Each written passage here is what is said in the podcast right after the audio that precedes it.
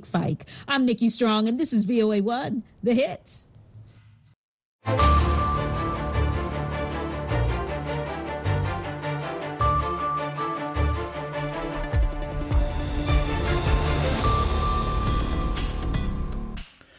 halkani waa washington laanta afka soomaaliga idaacadda v o a oo aad ka dhagaysanaysaan mawjadaha gaagaaban efmeyda geeska afrika iyo caalamkao dhan oo aad nagala socotaan v o a somaly com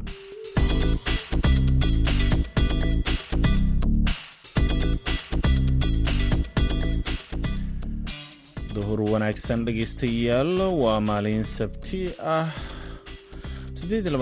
ka bisha oktoobar sanadka ka afrikada bari saacaddu waxay tilmaamaysaa kowdii iyo barkii duhurnimo idaacadda duhurnimo ee barnaamijka dhallinyarada maantana. Waxaa idinla socodsiinaya anigoo ah cabdulqaadir maxamed samakaab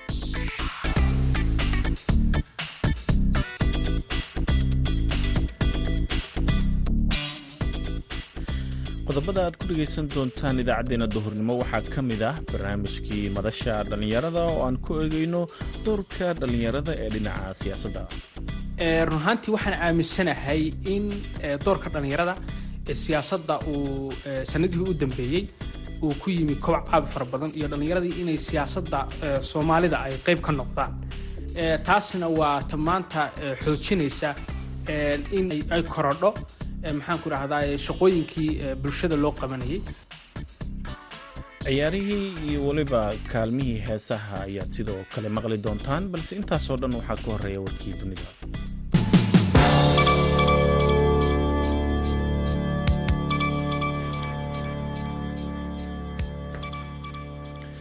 israel ayaa xalay gaza ka geysatay duqeymihii ugu xooganaa tan iyo intii uu dagaalka bilowday iyadoo milatarigeeda ay sheegeen in diyuuradahooda dagaalka oo xalay ilaa saakay garaacayay ay beegsadeen boqol iyo konton saldhigyo iyo xarumo dhulka hoostiisa ah oo xamaas ay ku leedahay waqooyiga gaza xilli dadka ku nool gaza oo lagu qiyaaso in ka badan laba milyan oo ruux ay ku jiraan xaalado adag oo ka dhashay go-doomintii lagu sameeyey ayaa haddana xalay waxay u ahayd mid ka mid ah habeenadii ugu adkaa ee soo mara tan iyo intii uu dagaalka bilowday.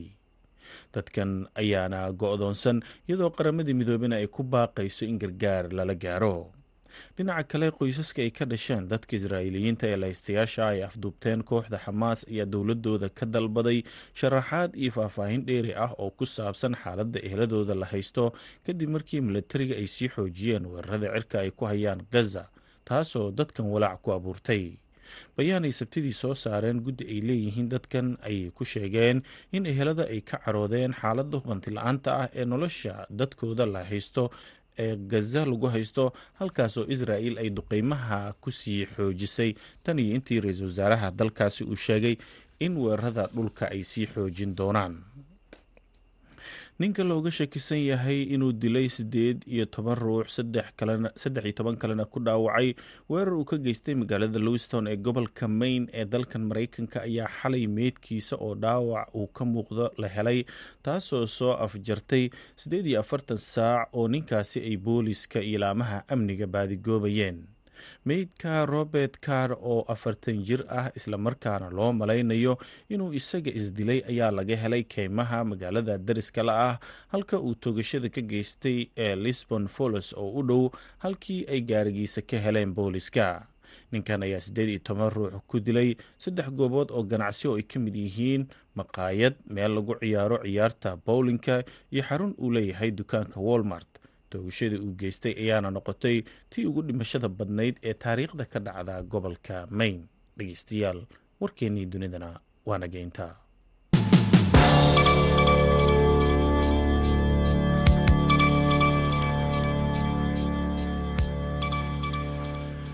halkaaad warkaasi ka dhageysanayseen waa idaacadda v o a oo idinkaga imaaneysa washington. Duhur wanaagsan mar kale dhegeystayaal haddana waxaad ku soo dhowaataan barnaamijkii madasha dhallinyarada waxaa noo soo jeedinaya cabdikariin olol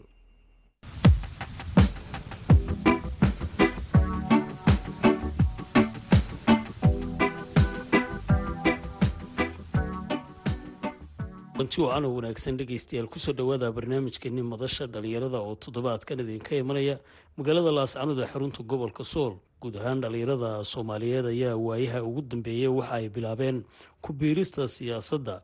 Inkastoo doorka siyaasadda dhalinyaradu ay ku kala qaybsameen qaabka ay ugu biiri lahaayeen haddaba kaalinta dhalinyaradu ay ku lahaayeen siyaasadda ma buuxiyeen geesta kalena waxyaabaha dhaliilaha loo soo jeedinaya ma yihiin kuwo ka gaabiyey inay qeyb ka noqdaan dibidhiska soomaaliya. Ugu horeyn barnaamijkeenna waxaa nagala qeyb qaadan doona axmed maxamuud qoje iyo farxaan axmed faarax. Ugu horeyn axmed maxamuud qoje ayaan weydiin doonaa kaalinta dhalinyarada soomaaliyeed inay doorkii looga baahnaa dhanka siyaasadda ay buuxiyeen. Sidoo kalena dhaliilaha ay iska leeyihiin. Asalaamu calaykum waraxmatullahi wabarakaatu v o a waa ku dhownahay cabdikariin nolan iyo barnaamijka madasha dhalinyarada run ahaantii waxaan aaminsanahay in doorka dhalinyarada ee siyaasadda uu sanadihii u dambeeyey uu ku yimi kobac aad fara badan iyo dhalinyaradii inay siyaasadda soomaalida ay qeyb ka noqdaan. Taasna waa ta maanta xoojinaysa in ay korodho maxaan ku rahdaa shaqooyinkii bulshada loo qabanayay. Because of dhalinyaradu waxay door muhiima ka ciyaaraan arrimaha bulshada. Waxaan aaminsanahay soo gelitaanka siyaasadda ee dhalinyaradu inay muhiimad u tahay maadaama jiilka soomaaliyeed boqolkiiba toddobaatan iyo shan ay ka yihiin ummadda soomaaliyeed. Marka waa door fiican bay ka ciyaarayaan. Dimuqraadiyadda hadday tahay oo doorashooyinkii ka dhacay dalka oo kale sida muuqata ama amaynu ku aragnay madaxda hadda soo baxaysa ee soomaalida inay u badan yihiin dhalinyaro doorashooyinkii ka dhacay federaalka iyo tii ka dhacday puntland oo golayaasha deegaankaaba lagu doortay iyo dhammaan doorashooyinka dhaca soomaalidu. Waxaa soo baxaya dhalinyaro aada u fara badan oo siyaasadda maaragtay ku cusub. Taasna waa doorka iyo ahamiyadda guud ee maaragtay dhalinyaradu ay saaran tahay. Farxaan axmed maxamed bal ka waran maslada doorkaasi uu sheegay axmed inay muhiimkaasi buuxiyeen dhalinyaradu oo siyaasadda ay qeyb ka yihiin asalaamu calaykum waraxmatullahi wabarakaatu v o a iyo madasha dhalinyarada ee cabdikariin olol waan su dhowahay anigu doorkaa ma qabo. Dhalinyaradu waxay ka qeyb qaadatay wax badan bayna doorkaas ka qaadan. Siyaasadana door weyn dhalinyaradu kama qaadan. Dhalinyaradu waxaa weeye caqabado badan bay waxaweye bulshada ku haysaa. Hadday tahay qabyaalad hadday xagga dhaqanka tahay waxaweeye dhalinyaradu dhibaato badan bay bulshada u soo jiida hadday arrimaha diimeedka yihiin waxaasoo dhan dhalinyaradu caqabado badan oo ay iyagu waxaweeye ay ka qayb qaataan baa jira. Hadeer oo dadkii waaweynaabaa wadanka weli hogaaminaya. Dhalinyaradu waxay u muuqataa inaynan doorka siyaasadda in weyn ka ciyaari karin because faham badan oo siyaasadda kama haystaan markiiba si fudud bay u geli karaan. Muxuu aha waxyaabo badan oo caqabad wadanka ku noqon kara haddii dhibaatooyin badan wadanka ka geysan kara ayay dhalinyaradu qayb ka noqon karaan. Laakiin miyaa la odhan kara in siyaasadda kuwa ku soo baxay oo kale kaalmo muhiima bay ka qaateen? Dhanka horumarinta adigu waxyaabahaad kuu muuqdaa maxay tahay dhalinyaradu horta waxa weye wadanku haddii aad aragtid wadan dhismaya oo aqoon ahaan fikir ahaan waxa weye wadankaasi dhalinyaradiisa ayaa horumarisa wadan kastoo horumaray oo aad waxaweeye aada iyo aada waxaweye dhaqaalihiisu u sareeyo caafimaadkiisu sareeyo haddaad aragtid waddamada horumaray waxaweye dhalinyara ayaa waxaweye ka qayb qaatay ama door weyn ku leh. Laakiin soomaaliya ahaan dhalinyaradeenu waxaweeye dad muxuu ahaa u firfircoon arrimihii. Hadday tahay dowladnimadii haddii ay tahay hanaankii doorashooyinka hadday tahay dimuqraadiyadii waxaweeye dad muxuu ahaa waxa kaga weyn dadkaas waxaweye qabiilka kaga weyn. Hanaankii dowladnimada waa caqabadaha soomaalida iyo dadka soomaaliyeedba haysta inay dadku ka guuraan qabyaalada u guuraan hanaanka sidee dadku wax wada yeelan karaan sidee dadku wada noolaan karaan sidee dadku wax u qabsan karaan inay dadku saa u guuraan baa fiican. Caqabadahaas dhalinyarada soomaaliyeed waxaweye caqabadaha iyagu ay qeyb ka yihiin bay ka mid tahay. Ma fahansana waxaweeye inay bulshadii horumariyaan waxay gelayaan mxuaha waxay gelayaan social mediahii waxay gelayaan qabyaaladii waxaa dhibaatooyin weyn bay dhalinyaradu doorka soomaalida ka qaataan. Laakiin waddamada kale ee horumaray ee adduunku sidaa kuma dhaqmaan. Laakiin dunida waxaa yaalla xeer qofka qabanaya xeerkaasa qofka lagula xisaabtamaya. Qofka soomaaliyeed wuxuu jooga gurigiisa isagoo jooga wuxuu doona qoraya wuxuu doona ka qayb qaadanaya dhibaato kasta ka geeb qaadanaya qabiilooyinba hadduu doona isku diraya shaksiyaadbu isku diraya dhalinyaradii soomaaliyeed uma dhisna inay waxaweye waxay leeyihiin doontaan xaqooda si wanaagsan u doontaan si fiican oo waxaweeye manduuc fiican oo ay u maraan arrimahooda kama qeyb qaataan. Waana sababaha soomaalida dadkii hore ee dowladdii siaad bari u shaqeyn jiray ama lixdan jirka ama konton jirka ama todobaatan jirka weli instituushinada u fadhiyaan ama dowladdii ay weli hogaaminayaan. Dhalinyaradu waa in yar oo waxaweeye ka faa-iideysta waqtigooda ama ay door weyn ka qaatay siyaasadda way jiraan. Axmedow axmed maxamuud qoje waxa uu farxaan ka dhawaajiyey inay dhalinyaradu caqabad ku yihiin horumarka laftigiisaba hadday noqoto isticmaalka baraha bulshada dhanka qabyaalada taasoo kale ka war ummadda soomaaliyeed luu ogyahay boqolkiiba toddobaatan iyo shan waa dhalinyaro. Haddii uu macnaha eegayo dhanka negativeka waxaa jira positive badan oo dhalinyarada soomaaliyeed ay leeyihiin. Dhalinyarada soomaaliyeed markii aan eegno haddeer golayaasha deegaanka ee qabsoomay dalka ka dhacay ama guud ahaan soomaaliya oo idil ee dhalinyaradu maanta maamusho way ka bedelan yihiin jilalka ka horreeyay ee waaweynaa ee ama garanaysa aan dhalinyarada ahayn. Dhalinyaradu waxay boqolkiiba sagaashan la odhan karaa waxay run ahaantii wax walba negative way leeyihiin oo macnaha caqabadaha caqabado waa jiraan.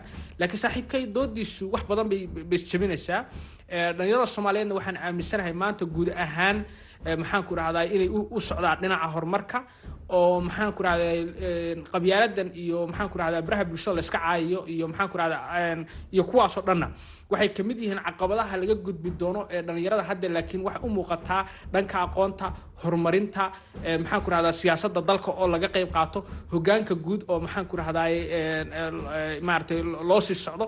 Dhalinyaradu waxaan anugu qabaa farxaan doodiisa dood ka duwan baa qabaa oo ah in maxaan ku rahdaay dhalinyarada soomaaliyeed ay yihiin kuwo xagga horumarka iyo wanaagga u socda oo aan ahayn kuwo maxaan ku rahdaay qabyaalada qabyaalada de haddii aynu dhahno waxa weeye raggii hore waaweynaa ee sartu ka quruntay kuwaasna aanu ku eedayn karaya laakiin dhalinyarada hadda soo baxaysa ee dimuqraadiyadda dalka la jaan qaaday ee doonaysa in ay maxaan ku rahdaay dalka hogaanka qayb ka noqdaan oo maxaan ku rahdaay tacliintu ay ay bartaan. Anigu kuwaasaan taageer maxaan ku rahdaay waa ogtahay oo hadda ciidamada ugu badan ee soomaaliya hadda ee hadda tababarka ka soo baxay waa dhalinyaro ma aha dad waaweyn. Furimaha dagaalka ee maanta lagula dagaalamayo cadowga ummadda soomaaliyeed meel kasta ha joogeene waxaa la dagaalamaya ee dhiigooda huraya maxaan ku rahdaay waa waa dhalinyaro marka dhalinyaradu door weyn ayay ka qaadanayaan dib u dhiska dhaqaalaha siyaasadda amniga ee qaranka ee soomaaliyeed. Farxan waad aragtaa axmed wuxuu ka hadlay muhiimad badan oo dhalinyaradu ay iska leeyihiin oo door ay ka qeyb qaadanayaan oo dhanka horumarka waxyaaba aad isleeda adigu halkaa way ku gaari waayeen ama dhaliisha aad u soo jeedinayso maxay tahay? Dhalinyaradu horta waxaa weeye dhaliisha koowaad aan u soo jeedinaya waxaa weeye dhalinyaradu horta waa inay ka guuraan waxaa la yihahda qabyaaladda. Qabyaaladdu waxa weye waa waxyaabaha soomaalida iyo soomaalida dhibaato ku ah. Inay qabyaaladda dhalinyaradu ka guuraan ay u guuraan haddii ay doonayaan in dowlad dhiska soomaaliya ee ka socda hanaanka curdinka ee dimuqraadiyadda si ay bulshadaasi waxaweeye soomaaliyeed ay wax ugu taraan dhalinyaradu. Si ay dhalinyarada soomaaliyeed wax ugu taraan. Wax saaxiibka qoje wax badan uu sheegay horta waa saxan yihiin. Wadan soomaaliya waxaweye waxaa ku dhacay burbur. Ummad kasta haddii burburto wax badan bay yeelanaysaa. Insha allah waxaynu rajeyn doonaa waqtiyada dhow in aynu isbeddel ka socda qeyb libaax soomaalida iyo dhalinyarada soomaaliyeedba ay qeyb libaax ka qaataan.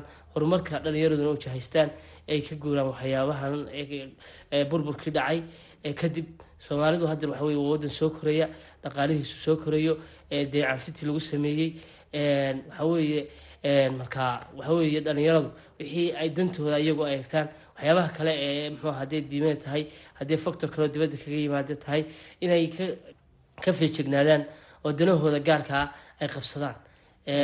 Dadka iyo wadankana waxa weye haddii wadanku waxa weeye dhalinyaradiisu hagaagto wadankaasi wadan horumaray bulsho ahaan dad ahaan dhaqaal ahaan buu noqonaya ma aaminsan tahay dhalinyarada xilalka qabato oo kale inay isbeddel sameeyaan mise waxaad leedahay kaalintii weli looga baahnaa ma ay gaadhsiin dhanka siyaasadda iyo dhaqaalaha iyo dibidhiska iyo dibi heshiisiinta dadka soomaaliyeed inay qeyb ka noqdaan waxaweye qeyb libaax bay ka qaateen. Laakiin halkii loogu baahnaa inay dhalinyaradu gaadho percentage ahaan may gaadhin. Dhalinyaradu waa inay muxuu ahaa dowladnimada qeyb weyn ka qaataan. Waxaa jiil kasta oo generation kasta generation by generation baa jiil baa jiil bedela jiilkii hore ee waxaweye dowladihii hore la soo shaqeynayay inay jiilkan cusub ee gedi socodka nabadda iyo horumarka bulshada inay ka shaqeeyaan. Baan anigu rajeynaya dhalinyaradana ay waxaweye waqtigooda iyo noloshooda iyo wadankaba ay u faa-iideeyaan. Ma is leedahay kaalin wanaagsan ayay ka qaadanayaan dhanka horumarka dibudhiska nabadda. Mase waxyaaba badana ma ku muuqdaan oo isbeddel dhalinyaradu ay keeni daan aada iyo aada saxafi cabdikariin aniga waxaa ii muuqdaa in loo socdo dhabaha wanaagsan. Aniga waxaa ii muuqdaa in loo socdo yoolashii dhalinyarada in ay gaaraan aniga waxaa ii muuqdaa isbedelada hadda ka dhacaya dalka. Hadday tahay maxaan ku rahdaa arrimaha bulshada oo nooc waliba inay dhalinyaradu ay maanta yihiin kuwa ugu horreeya ee maxaan ku rahdaa arrimahaas qeybta ka ah. Xafiis hadda qof dhalinyaraa jooga xafiis dad oldiya oo dadka waaweynaa ay joogaan ka shaqada iyo activisiga badan waa ka dhalinyaradu joogta maanta. Marka dhalinyarada waxaan oran karayaa waxay buuxinayaan maanta oo ay macnaha doodayda ay tahay dhalinyaradu maanta waxay joogaan halkii loo baahnaa inkastoo loo baahan yahay horusocod ballaadhan in loo baahan yahay. Laakiin ma qaba dhalinyarada soomaaliyeed inay maanta dib u socoto waxaan qabaa inay hore u socoto waxaana leeyahay siyaasadda iyo maxaan ku rahda hogaanka dalka inaan qeyb ka noqono ayaan rajeynayaa weliba si aynu maaragtay wada ah oo dhalinyarado dhan ummadda soomaaliyeed o dhan ayaan u rajeynaya inay qeyb ka wada noqdaan. Weli waxaa laga hadlayaa axmedow ku soo biirista dhalinyaradu waxay ka hadlaan xagga siyaasadda in caqabada weli hortaagan yihiin. Oo caqabadii dhaqanka dhankii doorashada oo kale matalaada oo kale arrimahaasoo kale ma laga baxay mise weli dhibtaasi way haysataa. Waa jirtaa waayo dalka soomaaliyeed maanta doorashooyinka ka dhaca waxay u badan yihiin doorashooyin lagu soo dooranayo hanaanka odayaasha. Taasi waxay suurto gelinaysaa inaysan dhalinyaradu aysan fursado badan helin laakiin dalku wuxuu u socdaa sida madaxda qaranka soomaaliyeed oo madaxweyne xasan sheekh maxamuud iyo iyo xukuumaddiisa dan qaran ay hadda wado laba kun labaatan iyo lix in dalka soomaaliyeed oo dhan ay ka qobsoonto doorashada dimuqraadiga ah oo hanaanka xisbiyada badan ah. Hanaanka xisbiyada badan sida la ogyahay dhalinyaro ayaa soo baxaysa boqolkiiba sideetan maxaan ku rahdaye marka aynu eegno marka laakiin caqabado fara badan oo ku gadaaman odayaasha wax soo xula oo soo xula dad maaragtay dadka waaweyn laakiin dhalinyaro aan fursad siin way jiraan. Taas caqabad jirto soomaaliya guud ahaan jirta weeye. Laakiin waa fursad laga bixi doono. Laakiin waa inaan hore u sii soconaa si loo gaari lahaa dimuqraadiyadda shacabka soomaaliyeed oo dhan si loogu hogaamin lahaa dhalinyarada ay u soo bixi lahayd. Waxyaabaad is leedahay farxan dhalinyaradu way ku horumari karayaan oo looga baahan iyaga inay soo saaraan oo kaalin ay ka noqdaan bulshadii maxay tahay maadaama jaamacadii ay soo dhammaynayaan qaarkoodana arana iyagoo aan dee shaqooyin haynin oo shaqalaan ka cabanaya qaar dee aan siyaasadda lagu wada biiri karayn. Bal horta bulshada dhalinyaradu waxa weeye inay mid siyaasadda ku wada biiraan maaha. Kaabayaasha dhaqaalaha wadanka inay qeyb ka wada noqdaan. Hadday ganacsi tahay hadday instituushinada kale tahay hadday business tahay inay waxaweye dhalinyaradu hayna odhan wali waxaweye inkasta oo dhalinyara u yiraahdo siyaasaddan ka qeyb galaya. Waa dhibaato. Waxaweeye waa inay shaqooyinku waa ballaaran yihiin. Hadday business furanayaan hadday meherada furanayaan haddii waxaweeye ay warshado sameynayaan haddii ay waxaweeye shaqooyinka kale ee waxaweye wadanka ka banaanaada fursad kasta inay buuxiyaan inay haddii waxbarashada u beydhaan inaynan muxuu ahaa dhalinyaradu noqon waxaa weye mid kasta waxaa odhanay inayna odhan siyaasaddan kuga wada qeyb galayna ummadda siyaa soomaalidu waxa weeye dunida kale waxa weeye laga qof kastaa waxa weeye fursad meesha uu markaa ka arko ayuu raadsadaa. Isagoo ninka qof baad arkaysaa b h d haysta oo hadduu doono kilinara baa jira. Soomaalidu waxa weeye waxay ohanaysaa isagoo lowa boonay hay baan tegaya waa caqabad jirta.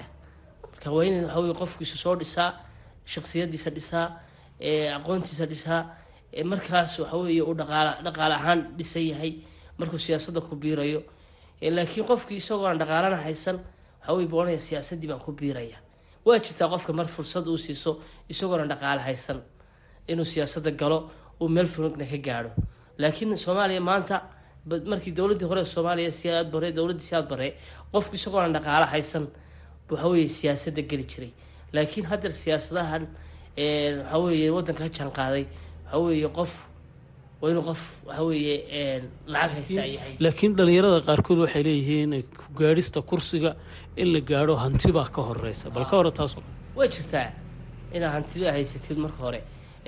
Marka aada soo baxaysid xasan sheekh maxamuud ku soo baxay xildhibaanadiisa baarlamentariga ah waxaa weeye in ergey waxa ergey la yidhaahdo konton qof baa qofkii codeynayay ama boqol qof in ka badan. Dadkaas waxa weeye dhaqaalaa la siinayay qofkii ugu yar laba kun shan kun lix kun toddoba kun toban kun baa la siinayay qofka dhalinyarada ay ma helin waxa weeye doorka inuu dhaqaalo ahaan ma haysto. Marka qof doorkaa dhaqaale ahaan ekonomik ahaan haysta baa fursadda ka faa'iidaystay. Barnaamijkeeni madasha inagoo ku jira maxaad is leedahay guulo waaweyn baa laga gaari karayaa. Dhalinyarada iyo dooda farxan ka hadlayo caqabadaha taagan leeyihiin xagga dhaqaalaha iyo ku biirista oo kale balka war sida aan wada ognahay ama nidaamka xisbiyada badan ha noqoto ama nidaamka odayaasha ah ee qabaliga ah ha noqoto horta labadaba dhaqaale ayaa ku baxa. Maxaan ku rahday tan dimuqraadiyadda ama xisbiyada fara badan maxaan ku rahdaa musharaxu inuu soo saaro oo maxaan ku rahda bulshada iyo kambeynkiisa sameeyo dhaqaala ku baxa. Maxaan ku rahday ta kalena dhaqaala ku baxa. Laakiin waxaa lagu kala gedisan yahay waxaan qabaa hadda dhalinyaraduna inay ku jiraan dadka ugu badan ee hantida soomaaliyeed haysta. Maxaan ku rahday ganacsi fara badan ayay leeyihiin. Waxaa jira dibadda oo dalka dibaddiisa ku maqana dhalinyarada u badan yihiin oo soo shaqaystay. Run ahaantii dhalinyaro lacag ma haysato lama oran karo doodaas ani ma qabo. Dhalinyarada soomaaliyeed oo dhan waxay haystaan maxaan ku rahdaa dhaqaalo ku filan. Siyaasaddana door waa ka noqon karaan kuwo badan ayaa ku soo baxa hanaanka odayaa dhaqameedyada ama qabaliga ah. Kuwo badanna waxay ku soo baxaan xisbiyada badan. Laakiin doodaas waxay tahay ahmiyadda koowaad ee inagu aan leenahay waxa weeye. Dhalinyarada soomaaliyeed inay door ka noqdaan. siyaasadda iyo ganacsiga iyo maxaan ku rahdaa arrimaha bulshada inay ka noqdaan ahmiyaddu taas weeye oo la kobciyo oo maaragtay garaadkii dhalinyarada soomaaliyed la dhiso maadaama ay yihiin jiilkii labaad ee bedeli lahaa kuwa maanta jooga oo dadkeena waaweyn ah. Si ay ummadaasi ummad horumarsan oo caafimaad ahaan iyo caqli ahaanba dad caafimaad qaba ay noqdaan inay dhalinyaro door weyn siyaasadooda iyo arrimaha inay ka qayb qaataan inay sida awaarnes u siin lahaayeen. Dadku waxaweye isku aqoon maaha isku fikir maaha isku aragti maaha inay dhalinyarada kuwa muxuu ahaa aqoonta leh ugu firfircoon ee bulshadu waxaweye door weyn ku leh inay ka qayb qaataan siday bulshooyinka iskugu xidhan lahaayeen siday iskugu xidhan lahaayeen gobollada soomaaliya waxaweye door weyn bay dhalinyaradu ka qaadanaysaa. Dhalinyaradu waxay qayb libaax ka qaadanaysaa marka konfliktiyada qabiilada inayna dhexgelin inayna ku dhex milmin inay waxaweye inayna muxuu ahaa dhibaatooyinkaas bulshada ka dhex dhacda ayna qayb ka noqon. Soo jeedinayso axmed maxay tahay ugu dambeysa hal iyo labo talada dhalinyarada soomaaliyeed oo idil aan u soo jeedinaya waxay tahay inay kobciyaan garaadkooda inay kobciyaan aqoontooda inay kobciyaan maxaan ku rahdayey ururada ama organisationada ay ku midaysan yihiin ayaan ugu baaqayaa si loo helo dhalinyaro aqoontana ka dhisan garaadkooduna sareeyo jiilka soo baxayana ay talada dalka ay ula wareegi lahayeen dhegeystayaal waxaa intaas inoogu eeg barnaamijkeeni madasha oo toddobaadkan idinka imanaya magaalada laascanood toddobaadkan barnaamijkeenna waxaa marti noogu ahaa laba dhalinyaro oo aqoon-yahanaa axmed maxamuud oo ku magac dheer qoshe iyo farxaan axmed faarax. Intaynu ku kulmi doonno barnaamijkaasi mid la mid ah. Dhammaantii waxaan idinkaga tegaynaa sidaas nabadgelyo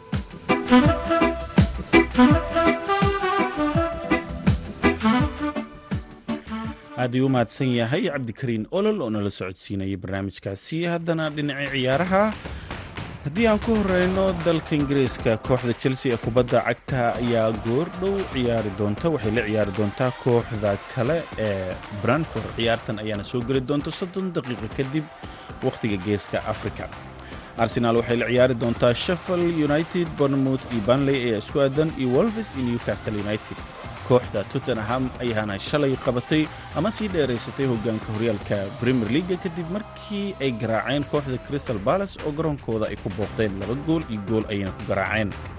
Ciyaaraha kale ee waaweyn ee maanta dhacaya waxaa ka mid a ciyaarta u dhexaysa kooxaha real madrid iyo barcelona waana ciyaarta loo yaqaano klassikada waxay ka dhacaysaa garoonka kooxda barcelona ee camnu labadan kooxood ayaa isku soo aadaya iyadoo midkoodna uusan hoggaanka haynin muddo kadib real madrid iyo barcelona ayaa waxaa u dhexeeya hal dhibic oo keliya laakiin kooxda girona ayaa hoggaanka haysa oo siddeed labaatan dhibic ku haysa waxayna labadan kooxood markaasi kii badiya ay ku biiri doontaa kooxda khirona dhinaca talyaanigana kooxda kubadda cagta ee yuventus ayaa waxay la ciyaari doontaa verona.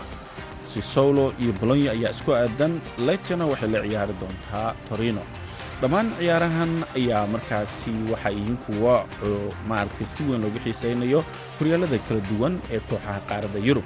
Beritana ciyaartii weyneed ee manchester derby ayaa jiri doonta ee horyaalka premier leaga markana waxaad ku soo dhowaataan kaalmihii heesaha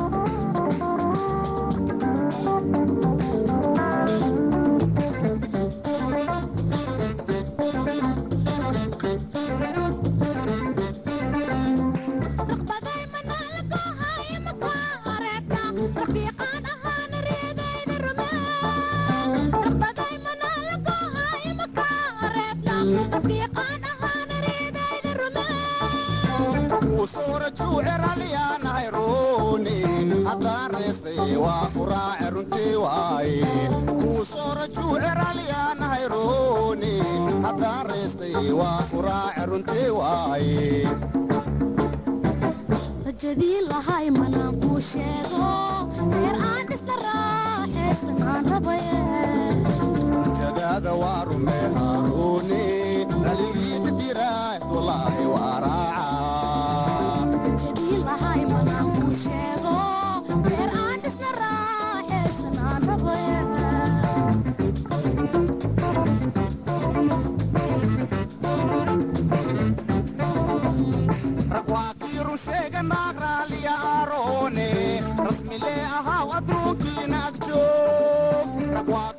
rajadaada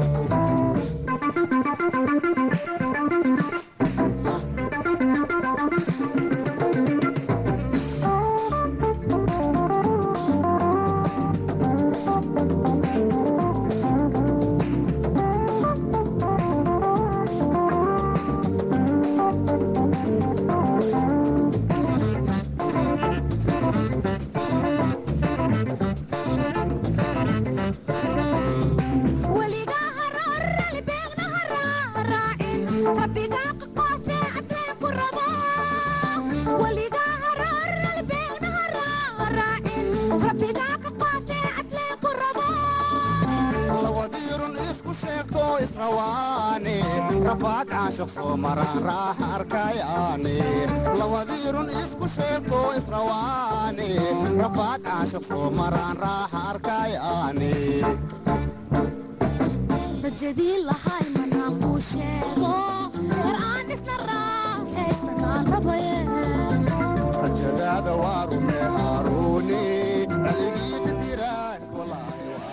heestaasi ayaa u dambeysay idaacaddeenii duhurnimo. Waxaa idinla socodsiinaya anigoo samakaab ah tan iyo kulanti dambe. Nabadgelyo